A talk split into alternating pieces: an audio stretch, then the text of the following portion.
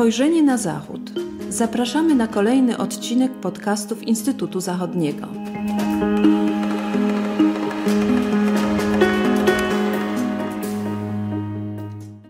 Dzień dobry, z tej strony Patrycja Teper. E, witam Państwa w kolejnym odcinku podcastów Instytutu Zachodniego.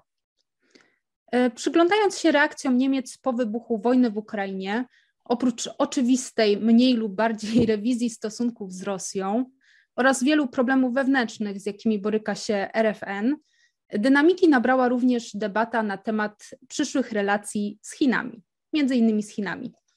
E, Niemcy w, w swojej strategii z 2020 roku określały cały region Indo-Pacyfiku jako kluczowy dla kształtowania się porządku międzynarodowego w XXI wieku. Dziś nie mamy już wątpliwości, że wzrost znaczenia Indo-Pacyfiku, w szczególności Chin, musi pociągnąć za sobą bardziej skuteczną i zdecydowaną politykę całej Unii Europejskiej wobec tego regionu, być może pod przewodnictwem Niemiec. O Indo-Pacyfiku i strategii Niemiec wobec tego regionu porozmawiam z analitykiem Instytutu Zachodniego, doktorem Tomaszem Morozowskim. Cześć Tomku. Cześć, witam Państwa, dzień dobry. Zacznijmy może od zdefiniowania regionu Indo-Pacyfiku, w którym, jak wiadomo, mamy różne kraje, wobec których strategia Niemiec różni się zasadniczo. Są partnerzy, z którymi Niemcy chcą rozwijać e, partnerstwa oparte na wspólnocie wartości oraz ci traktowani jako wyzwania. Jak Niemcy widzą Indo-Pacyfik? Rzeczywiście od pewnego czasu już mówimy o regionie Indo-Pacyfiku jako takim centrum globalnej e, polityki.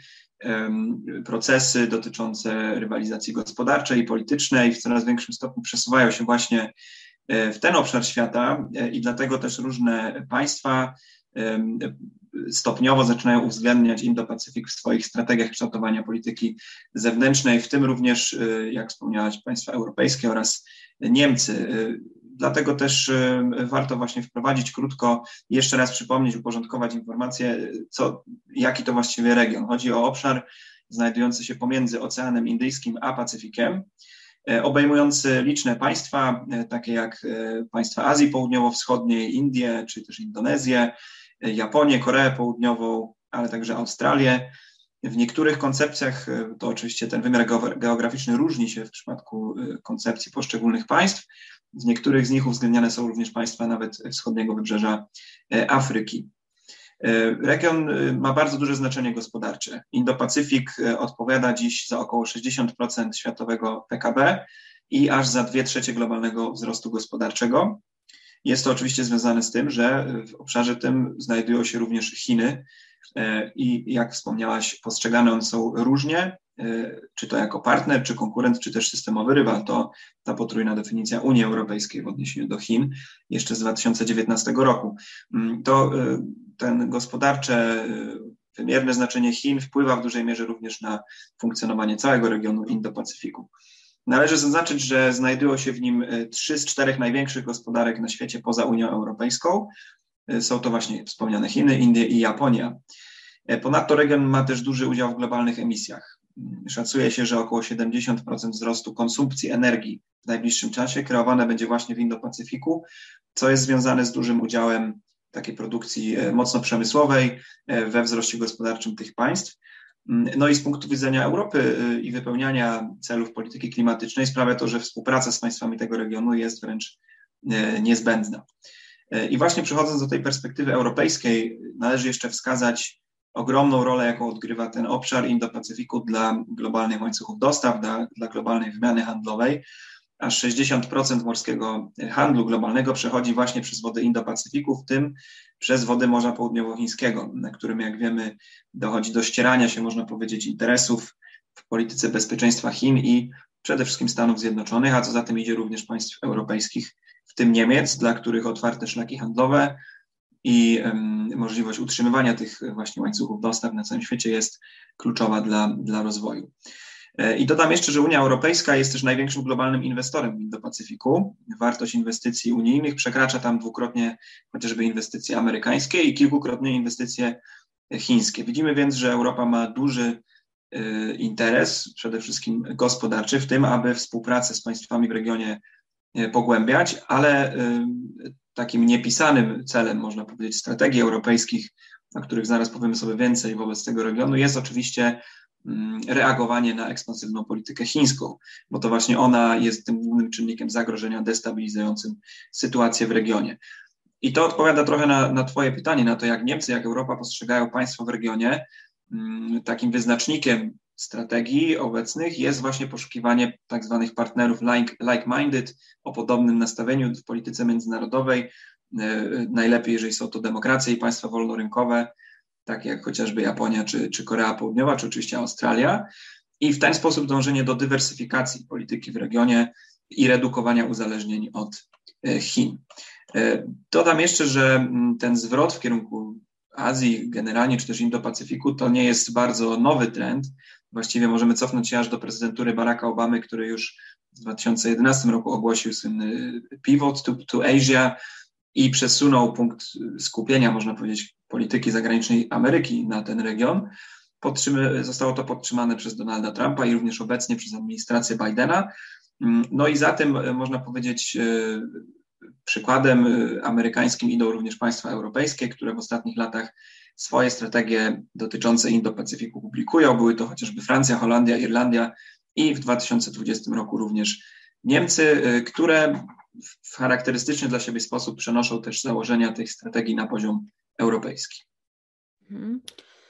Tak, a czy mógłbyś nam przybliżyć, jak wyglądała ta strategia w 2020 roku e, wobec Indo-Pacyfiku? Jakie miejsce w niej zajmowały Chiny? Wiemy, że w 2020 roku już był COVID, ale jeszcze e, nie było wojny w Ukrainie. Także na pewno, na pewno ta strategia zostanie i jest już rewidowana, ale jak ona wyglądała w 2020 roku? Bo pewnie jakieś punkty jednak zostają.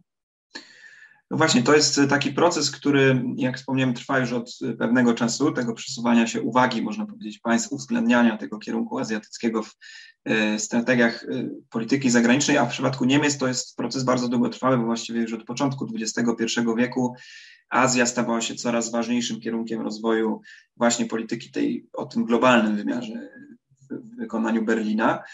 Mm, I kolejne strategie e, uwzględniały przede wszystkim e, rynki azjatyckie, w tym oczywiście głównie chiński, jako najważniejsze rynki zbytu, kierunki rozwoju dla niemieckich przedsiębiorstw. I w tym sensie e, wydarzenia w globalnej polityce, takie jak pandemia koronawirusa czy obecnie wojna w Ukrainie, tylko nieco zmieniają czy też dynamizują ten proces, ale nie są jego bezpośrednimi przyczynami. Jeżeli chodzi o strategię opublikowaną we wrześniu 2020 roku, e, ona e, przez Niemcy, ona miała tytuł Niemcy, Europa, Azja wspólnie kształtować XXI wiek. No i już sam ten tytuł pokazuje, że e, pozostają tutaj ważne te podstawowe wyznaczniki aktywności zewnętrznej państwa niemieckiego, takie jak multilateralizm, jak współpraca międzynarodowa, i to właśnie wspólne kształtowanie stosunków międzynarodowych, czyli Niemcy poszukują tutaj partnerów, y, z którymi mogłyby na różnych polach globalnej polityki e, współdziałać. No i wydaje się y, trudno sądzić, że Chiny byłyby włączane jako jeden z tych partnerów. Oczywiście w strategii chińskiej nie jest wprost mówione o tym, że jest to strategia antychińska, czy też w opozycji jakiejkolwiek do Chin. Podkreślany jest jej inkluzywny charakter i, i chęć współpracy ze wszystkimi partnerami, którzy niemieckie y, poglądy czy też stanowiska na różne kwestie podzielają, ale wyróżniłbym tutaj kilka elementów, które wskazują, że jednak jest to strategia wprost ukierunkowana na Chiny.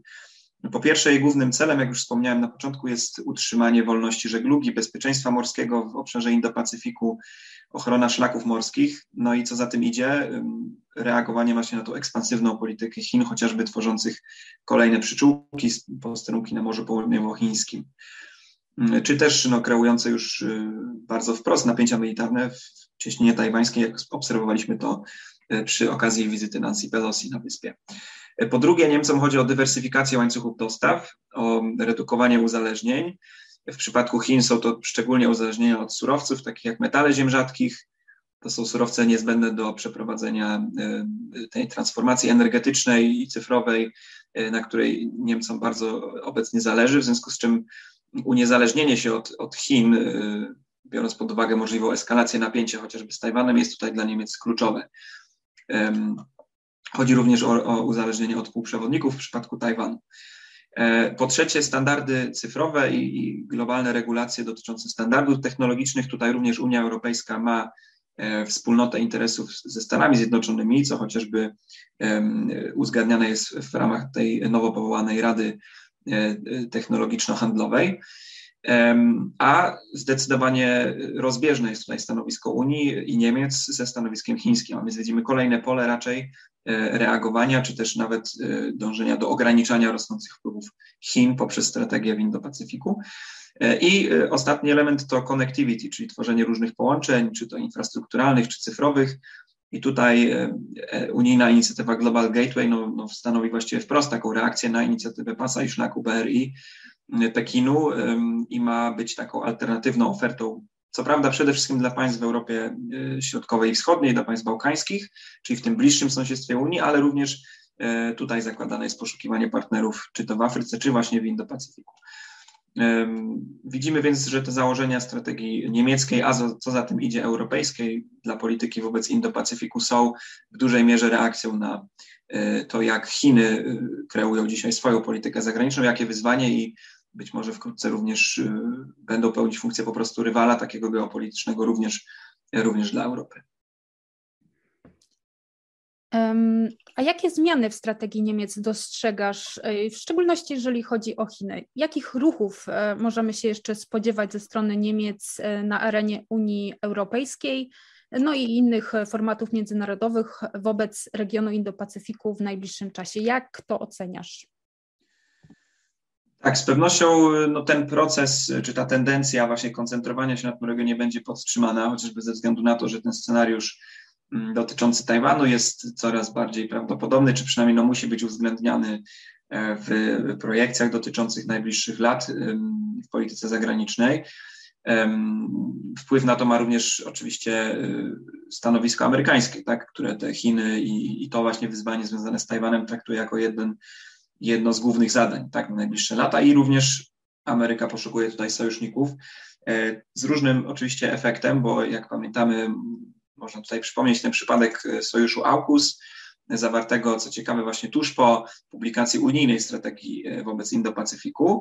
I tutaj Stany Zjednoczone wraz z Australią Wielką Brytanią zawarły ten pakt dotyczący przede wszystkim właśnie polityki bezpieczeństwa, wymiany technologii, wojskowych w Indo-Pacyfiku i tutaj Unia Europejska znalazła się w tym momencie nieco na uboczu tego procesu właśnie umacniania się tych państw zachodnich w tym regionie, ponieważ e, był, to ten kontrowersyjny przypadek rezygnacji z oferty francuskiej, tak, przez Australię na dostawę okrętów podwodnych i e, no sam ten timing e, zawarcia paktu tuż po publikacji unijnej strategii wobec Indo-Pacyfiku pokazywał, że Ameryka poszukuje raczej takich partnerów innego typu w, tej, w tym regionie. Chodzi o partnerów zdolnych do projekcji takiej twardej militarnej siły. Jak wiemy, no ten, ten hard power w polityce zagranicznej to nie jest jeden z głównych atutów Unii Europejskiej, tym bardziej, e, tym bardziej Niemiec. E, mimo wszystko Niemcy będą na pewno dalej koncentrować się na tym regionie ze względu na własne interesy, jak już wspomniałem, przede wszystkim interesy gospodarcze. Mm, wydaje mi się, że ten proces, o którym też mówiłem, czyli takiego poszerzania, poszerzania horyzontu niemieckiej polityki o ten kierunek azjatycki, on ma już miejsce od wielu, wielu lat, od początku XXI wieku, obecnie procentuje w, w takim sensie, że Niemcy mają wielu partnerów e, w regionie, z którymi regularnie podtrzymują dobre relacje, organizują konsultacje międzyrządowe, e, czy też właśnie e, systematyzują te partnerstwa w ramach tak zwanych partnerstw strategicznych. I tu warto wspomnieć o takim partnerstwie, jakie Niemcy podtrzymują z Indiami, Wietnamem, Indonezją, no i również z Chinami. Czyli widzimy, że duża różnorodność tych partnerów, ale to e, podłoże takie instytucjonalne mm, w tych stosunkach bilateralnych Niemiec pozwala obecnie na szybsze być może pozyskiwanie tych państw jako partnerów mm, właśnie w tej nowej, w nowym otwarciu, można powiedzieć, tak, w polityce w Indo-Pacyfiku. I na tym Niemcy na pewno będą chciały dalej swoją politykę opierać uzupełniając ją o nowy multilateralny format, jakim jest Sojusz na rzecz multilateralizmu. Tutaj również Niemcy wraz z Francją poszukują właśnie tych wspomnianych partnerów like-minded, które tworzyłyby taką sieć państw demokratycznych, umożliwiającą właśnie reagowanie na, e, na politykę taką bardziej ekspansywną reżimów autorytarnych, w to myślę właśnie przede wszystkim Chin. No i trzecim elementem, oprócz tego bilateralnego, multilateralnego w wykonaniu Niemiec, będzie też oczywiście angażowanie się na płaszczyźnie Unii Europejskiej i tych inicjatyw unijnych. Jak już mówiłem, Niemcy mm, mają bardzo duży wpływ na kreowanie polityki Unii Europejskiej wobec Indo-Pacyfiku i będą też angażować się na pewno we wspomniany projekt Global, projekt Global Gateway, mający na celu stanowić to odpowiedź na inicjatywę Pasa i Szlaku. Ale, bo należy postawić ale, E, wobec tych założeń niemieckiej polityki, e, a dotyczy ono e, no, tych głębokich uzależnień gospodarczych. Tak? Nie ma wątpliwości, że żadne założenia niemieckiej polityki gospodarczej, czy zmiana założeń tak, tej dotychczasowej business as usual, można powiedzieć, wobec Chin, nie nastąpi bez akceptacji i poparcia ze strony największych niemieckich przedsiębiorstw, bo to one, na przykład giganci motoryzacyjni, czy też chemiczni, jak BASF,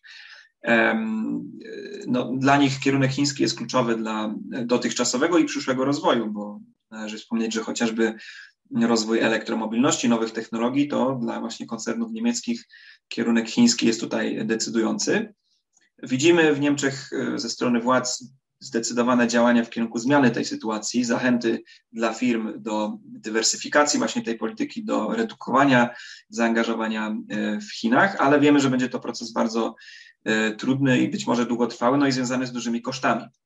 I przytoczę tu tylko jeden, jeden, jeden przykład statystyczny, tak, że pomimo, że e, dla ponad połowy niemieckich przedsiębiorstw przebadanych jeszcze w badaniu z marca e, Niemieckiej Izby Przemysłowo-Handlowej, dla ponad połowy 57% kryzys związany z rosyjską agresją na Ukrainę miał negatywny wpływ na ich działalność również w Chinach, a więc uwzględniały one te kalkulacje geopolityczne. E, a 32% niemieckich firm spodziewały się wstrzymania nowych inwestycji w Chinach. No ale dla kontrastu e, drugie badanie Niemieckiego Instytutu, e, Instytutu Niemieckiej Gospodarki w Kolonii pokazuje, że w całej pierwszej połowie bieżącego roku, a więc również w miesiącach już bezpośrednio następujących po inwazji rosyjskiej na Ukrainę, w pierwszej połowie 2022 inwestycje niemieckie w Chinach wyniosły rekordową dotychczas kwotę 10 miliardów euro. Wcześniej najwyższa suma to było 6,2 miliarda euro. A więc widzimy, że no nie do końca widać, że y, niemieckie firmy podążają za tymi apelami polityków niemieckich o, y, y, o dywersyfikację, uniezależnianie się czy wycofywanie się z Chin e, w ramach tych haseł o końcu naiwności tak, polityki wobec Chin. E, e, a więc podsumowując, na pewno ten kierunek Indo-Pacyfiku tak, będzie nadal obecny w, nie, w niemieckich debatach, no bo bo ten przypadek Chin i, i związane z tym wyzwania dotyczące Tajwanu będą decydujące w najbliższych latach i Niemcy muszą przygotować się na przykład na ewentualność nakładania sankcji na Chiny, czy też częściowego decouplingu tak, od gospodarki chińskiej. Mm, z drugiej strony mamy ten element rosnącego zaangażowania też militarnego Berlina w Indo-Pacyfiku. Tutaj podkreśliłbym te przykłady jeszcze Mm, czy to misji fregaty Bayern, tak, czy udział niemieckiego lotnictwa w ćwiczeniach w Indo-Pacyfiku, to są warte podkreślenia przypadki, bo y, pierwsze właściwie w, w czasach pokojowych, tak, w wykonaniu Bundeswehry, ćwiczenia w tym regionie, które pokazują, że Niemcy zaznaczają tam swoją obecność, pokazują y, to, że razem z sojusznikami chcą, chcą tą obecność również militarną tam zaznaczać. E, no i tutaj e, ostatni taki wniosek, który tego dotyczy, to jest takie otwarte pytanie, tak? O to, czy Niemcy w pewnym sensie i również Unia Europejska, angażując się w takim wymiarze e, w tym regionie świata, nie ograniczają sobie w pewnym sensie możliwości reagowania na jakieś kroki podejmowane przez Chiny, bo jeżeli okręty i, i, samoloty europejskie znajdują się w regionie Indo-Pacyfiku, no to jakaś eskalacja napięcia, chociażby w cieśninie tajwańskiej, bezpośrednio może wciągnąć te państwa w, w konflikt. I wówczas Mm, w pewnym sensie redukowana jest tak, ta możliwość reagowania i wywierania presji na, na Chiny, czy też no, no wywierana jest taka jeszcze większa, może być wywierana jeszcze większa presja ze strony Stanów Zjednoczonych tak, na, na, na, można powiedzieć, powstrzymywanie tej ekspansji chińskiej. A więc to są na pewno takie otwarte pytania, z którymi e, Niemcy i Unia Europejska będą się w najbliższym czasie zmagały w kontekście regionu Indo-Pacyfiku.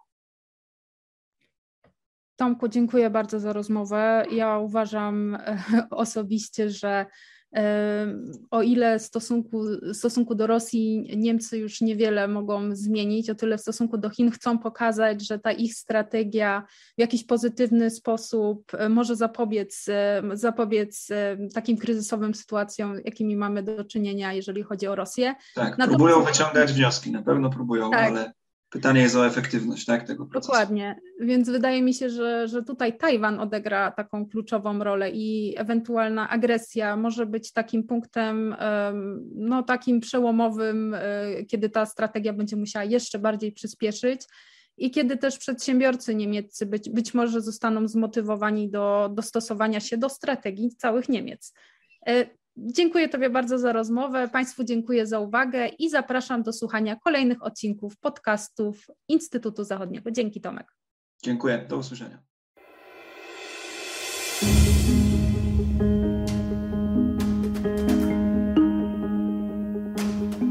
Spojrzenie na Zachód. Podcasty Instytutu Zachodniego. Podcasty Instytutu Zachodniego dostępne są na platformach Spotify, SoundCloud i Apple Podcasts oraz na portalu YouTube. Zapraszamy do subskrypcji. Dzięki niej będą Państwo na bieżąco z wszystkimi naszymi nagraniami. Do usłyszenia.